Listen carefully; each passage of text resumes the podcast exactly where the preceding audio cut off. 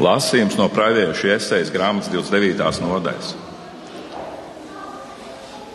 Vai nav vēl tikai īsts brīdis, un Libijāna kļūs, būs kļuvis auglīgs dārzs, bet dārzu vērtēs tikai kā mežu?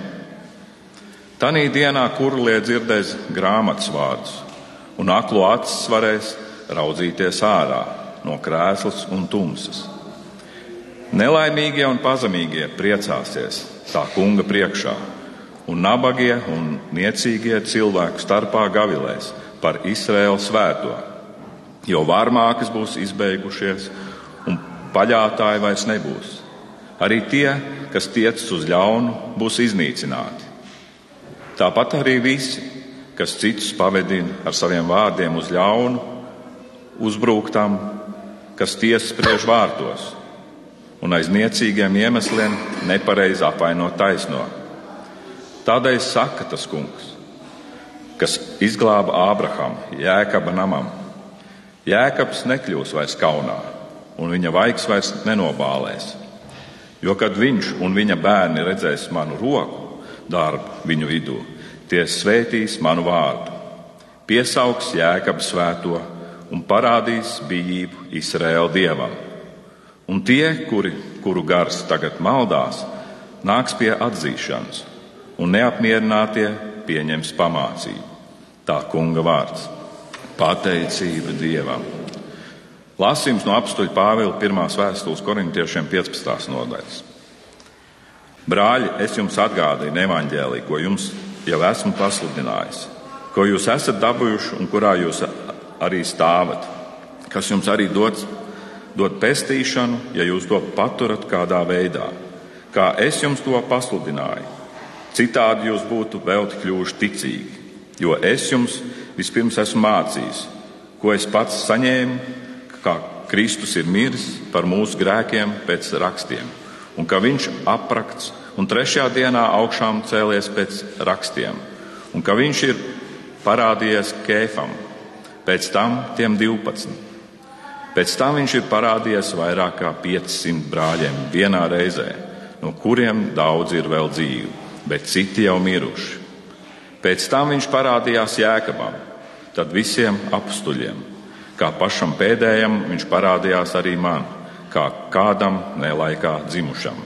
Jo es esmu mazākais apstuļu starpā un neesmu cienīgs, kā mani sauc par apstuli, tādēļ, ka es vajāju dieva draugu. Bet, nu, bet no Dieva žēlstības es esmu, kas es esmu, un viņu, un viņa man dāvātā žēlstība nav bijusi veltīga. Es esmu vairāk par viņiem visiem strādājis. Tomēr ne es, bet Dieva žēlstība, kas ir, kas ir ar, mani, ar mani. Lai vai es, vai viņi, tā mēs sludinām, un tā jūs kļūsiet ticīgi. Tā kunga vārds. Pateicība Dievam! Mēs klausīsimies Jēzus Kristus evaņģēliku uzrakstījis Svētais Marks 7. nodaļā.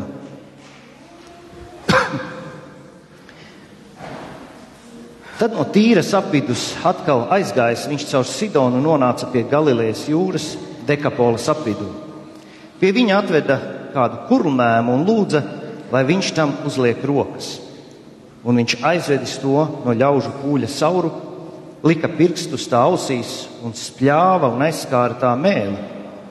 Un paskaties uz debesīm, viņš ievaidējās un sacīja: Efata, tas ir atveries. Un viņa ausis tūlīt atvērās, un mēlis saites atraisījās, un viņš sāka skaidri runāt. Un viņš tiem piekodināja, nevienam to nestāstīt. Bet jo vairāk viņš aizliedza, jo vairāk tie daudzināja. Un ļaudis ļoti brīnījās un runāja, Viņš visu labi izdara. Kur lies spēj dzirdēt un mēmie runāt? Tā kunga evaņģēlijas. Slavu tev, Kristu! Debes Tēvs nāca ar savu svēto garu. Atver tavu patiesību, kas tavā vārdā. Liec, lai tā paliek mūsu sirdīs, lai tā nes bagātīgus augļus. Lūdzam Jēzus vārdā. Āmen. Lūdzu, sēdiet.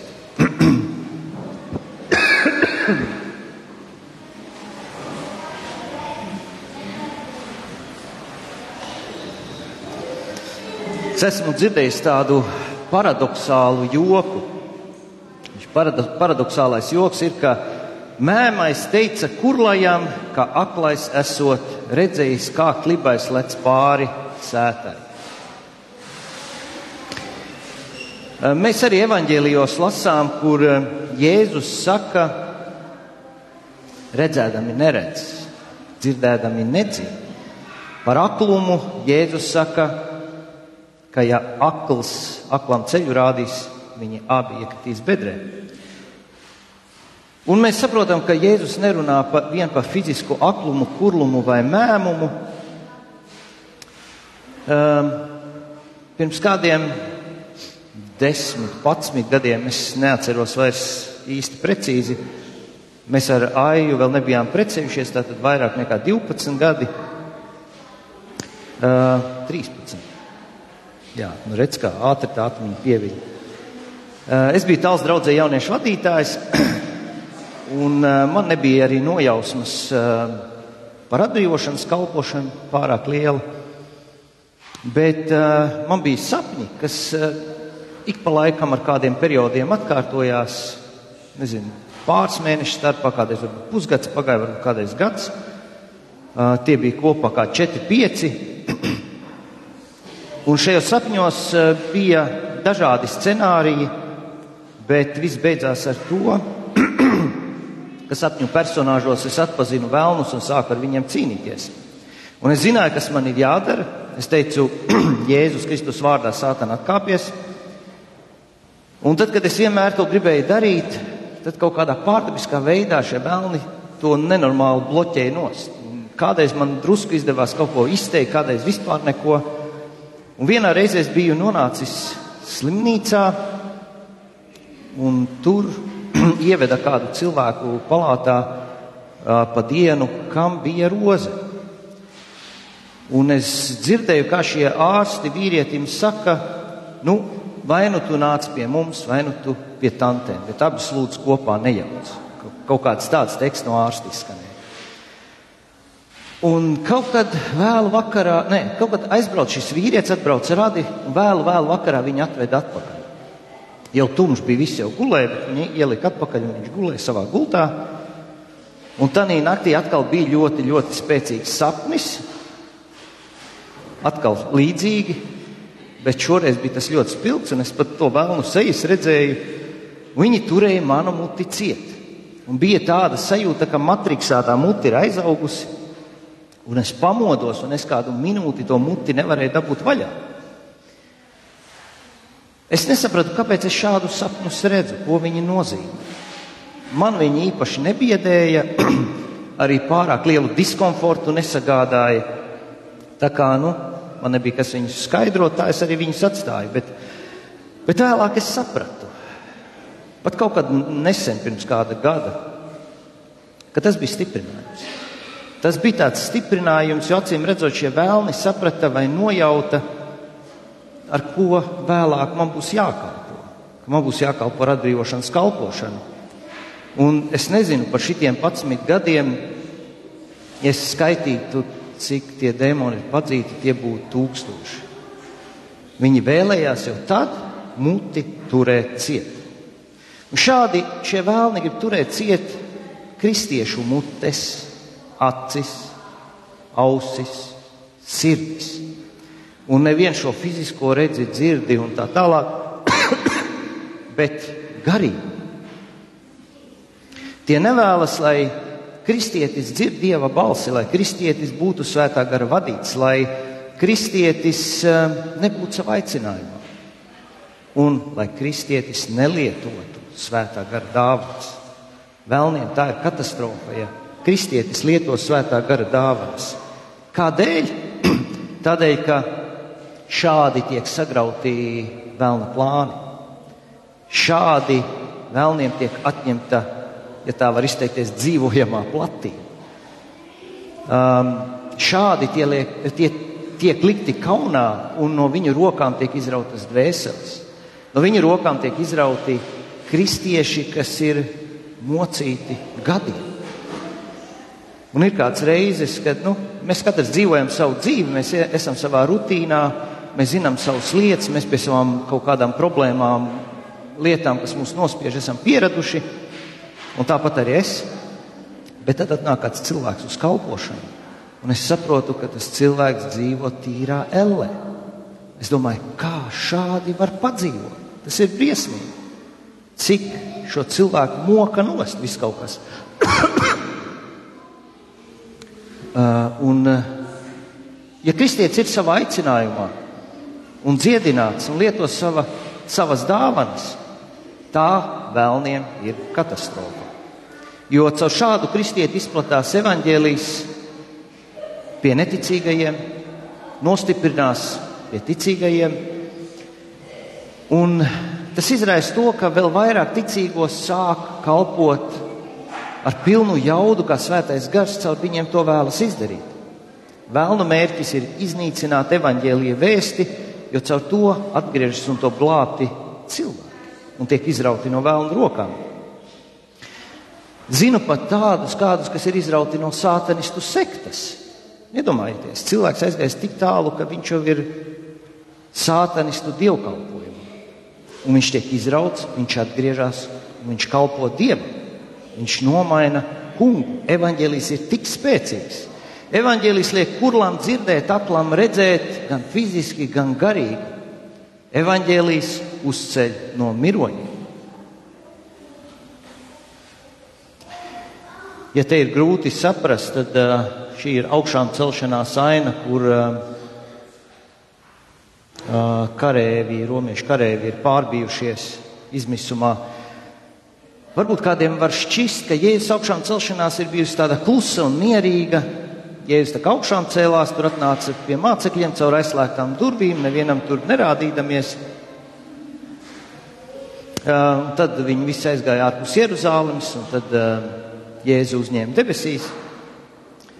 Pirmkārt, Jēzus, Jēzum augšām ceļoties, bija liela zemestrīce. Visi saprata, ka kaut kas notiek. Un cilvēki jau saprata eh, pēc šīs zemestrīces, jo Jēzum mirstot bija zemestrīce, šis uh, priekškars starp. Mums baznīca arī kaut kādā mērā tādā ir veidota, svētā vieta, vissvētākā vieta. Un vissvētākā vieta bija ar tādu biezu priekškaru aizklāta, jo tur nevarēja, nedrīkstēja neviens ieiet. Un tikai vienreiz gadā augstais priesteris, un tā tika pārplēst uz pusēm, tādā veidā simbolizējot, ka caur Jēzu mēs varam nākt pie Dieva bez bailēm. Tāpēc arī ir tas pants bez bailēm. Tāpēc, ka jūtu tautai bija bailes tur ieiet, un to arī nedrīkstēja. Un ja kāds būtu arī iegājis, tad tam būtu jāmirst. Pārvedot šo uh, derības šķirstu, šis derības šķirsts sašķobījās un kāds pieskārās un viņš nomira. Tāpēc, ka grēcīgs cilvēks pieskārās svētumam. Bet tad, kad mēs caur Jēzu Kristu esam šķīstīti, mēs varam droši nākt visvētākajā vietā. Un bija otra zemestrīce, kad Jēzus augšām cēlās. Otrakārt, eņģelis, kas izskatījās kā zibens, nāca un novēla akmeni no kapa. Treškārt, Augšām celtais Jēzus 40 dienas parādījās ļoti daudziem cilvēkiem, un kā Pāvils saka, vienā reizē 500. 500 cilvēki vienā reizē redzēja augšām celto Jēzu.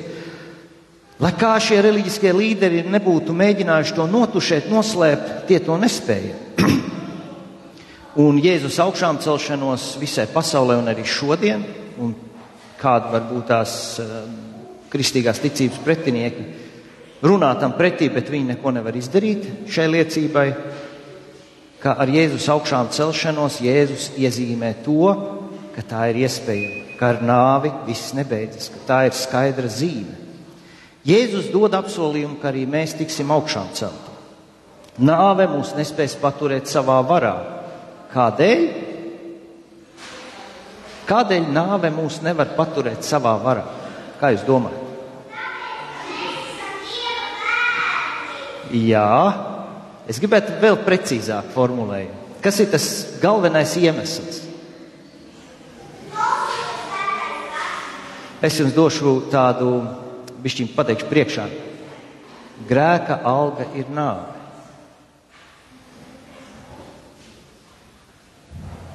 Pieaugušie arī domājiet. Jā, tuvāk, jā, tuvāk. Jēzu Kristu ir mūsu grēki piedoti. Jēzu Kristu nāve nevarēja Jēzu paturēt savā varā, ja viņam nebija grēki. Nāve nevar mūs paturēt savā varā, jo Jēzu Kristu mūsu grēki ir piedoti. Nāvei vairs nav varas pār mums, jo Jēzus ar savām asinīm mūs ir izpircis no, no, no nāves varas. Bet šie vēlni māna kristiešus. Tie mēdz mocīt kristiešus, iestāstīt mums, ka nav nekādas iespējas no viņiem vaļā tikt. Un kādreiz varbūt pat mēs neatpazīstam, ka tie ir vēlni, kas mūs moka, bet viņi dzen depresiju, vainas apziņu, um, tumsu. Vienkārši, ka mēs viņu nevaram izskaidrot, kas tas ir, bet mēs jūtamies slikti. Un viņa parāda, cik viņi ir spēcīgi un ka mēs no viņiem vaļā nevaram tikt ka mēs nevaram beigt grēkot, ja mēs to esam iesākuši un tajā iepinušies. um, ka mēs nevaram beigt grēkot ar vieniem un tiem pašiem grēkiem. Un uh, viņi iestāsta kristietim, ka tie esam mēs, kas esam alkatīgi, matkārīgi, miesaskāri, rupji, slinki. Bet īstenībā tie ir dēmoni, tas ir viņu raksturs. Dievs nav radījis šādus mūs, un problēma ir tieši šajā evaņģēlīja izpratnē. Dievvvārds tam runā pretī. Dievvvārds saka, ka es esmu brīnišķīgi radīts. Vienās rekolekcijās es pateicu, nu, ka ir divas realitātes. Ir dieva realitāte un ir tā realitāte, ko vēlns mums uzspiež. Un tā vēlna realitāte mums šķiet ļoti reāla. nu, es nezinu, cik dabiski mums ir no rīta pamosties pie, pie spoguļa, paskatīties un pateikt, es esmu skaists. Cik tas ir vienkārši? Bet te ir teikts, tas ir brīnišķīgi radīts. Tā ir Dieva realitāte. Mēs ejam pie spoguļa, mēs ieraugām vēlna realitāti. Viņš mums to uzspiež, tā redzēt. Un lai varbūt mēs pat citiem cilvēkiem šķietam skaisti, mēs paši tam nespējam noticēt. Viskaistākie cilvēki bieži vien domā, ka viņi ir neglīti. Un eh, tā, tā to realitāte rada dēmoni. Viņi uzspiež mums savu personību, jo viņi ir mantaskāri, alkatīgi un tā tālāk. Un, uh, cilvēks, nezinot, labprātīgi šo dēmonu identitāti pieņem. Un šī dēmona identitāte identitāte vienā brīdī kļūst par šī cilvēka identitāti. Jo viņš saka, es, es tas esmu, kas visas tās lietas dara, kas tā domā, kam tādas domas iet pa galvu, visādas briesmīgas, no kā man pašam bail. Um, un par visiem grēkiem, ko cilvēks izdara zem dēmonu spiedienu, atbild cilvēks. Mēs nevaram pateikt, dēmoni to izdarīja. Tāpēc arī Pāvils saka, Brāļi, daru jums zinām evaņģēliju, ko jums pasludināju, un ko jūs arī pieņēmāt, un kurā stāva caur to jūs arī tiekat glābti, ja vien stingri turaties pie tā, ko es jums pasludinu, ko es esmu jums pasludinājis. Citādi velti esat sākuši ticēt. Grēksūdze. Kad kristietis izprot evaņģēliju, tas nāk grēksūdzē. Un kas notiek grēksūdzē? Grēksūdzē mēs sevi atdalām no šīs dēmona personības. Ja varbūt vienkāršā valodā runājot, Jēzu piedod manus grēkus, man žēl to, ko es izdarīju. Šādā veidā es nepiekrītu tam, ko es izdarīju. Man par to ir žēl, es to atdalu no sevis nost. Dēmonam nav žēl, jo tā ir viņa būtība darīt šos grēkus. Bet man ir un es nepiekrītu tam, ko šis dēmons ir man uzspiedis darīt. Evangelijā mēs saprotam, ka Jēzu Kristu mūsu grēki ir piedoti, un šie dēmoni mūs nespēja paverdzināt. Un tā ir tā lielā, dziļā atziņa, ko evanģēlijas atklāja. Tie nevar piespiest mums turpināt grēkot ar vieniem un tiem pašiem grēkiem. Jēzu Kristu visi grēki piedod. Un saprotot šo evaņģēlīju, mēs varam tiem, uz kur pusi tas pirks sanāk, uz to pusi, pavēlēt viņiem iet prom. Tu, kas man liec iekārot mantu, cilvēkus, statusu, tu, kas man liec izpatikt, uzkundzēties, kontrolēt, tu, kas liec raizēties, tu, kas biedē, tu, kas liec aprunāt, kas liec paaugstināties, tev nav tiesības uz mani. Tad jūs saprotat, sākumā ir jāsaprot, jāatdala, ka tā dieva realitāte, es esmu brīnišķīgi radīts.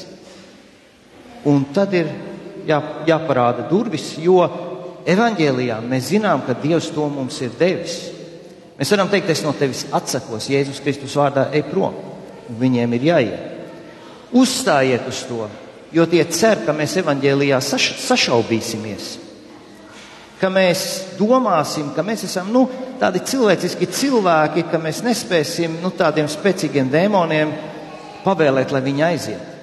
Bet mums ir jālasa evaņģēlis, mums jālasa vairāk bībeli, kur Jēzus par to runā. Mēs esam grēcīgi cilvēki, bet mēs esam tādi, kuru grēki Jēzu Kristu ir piedodi. Un ne mēs uzstādām noteikumus, bet Jēzus, viņa spēkā viņi iet prom, un ne mūsu spēkā. Dēmoni ir dēmoni.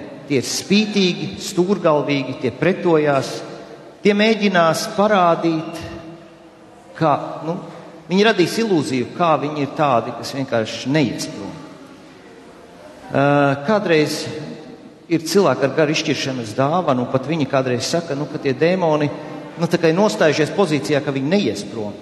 Un es kādreiz jautāju, kādēļ? Nu, viņam nav iemesls, viņi vienkārši neies. Un es esmu piedzīvojis to, cik evaņģēlijs ir spēcīgs, tajā nešauboties, uz to uzstājot.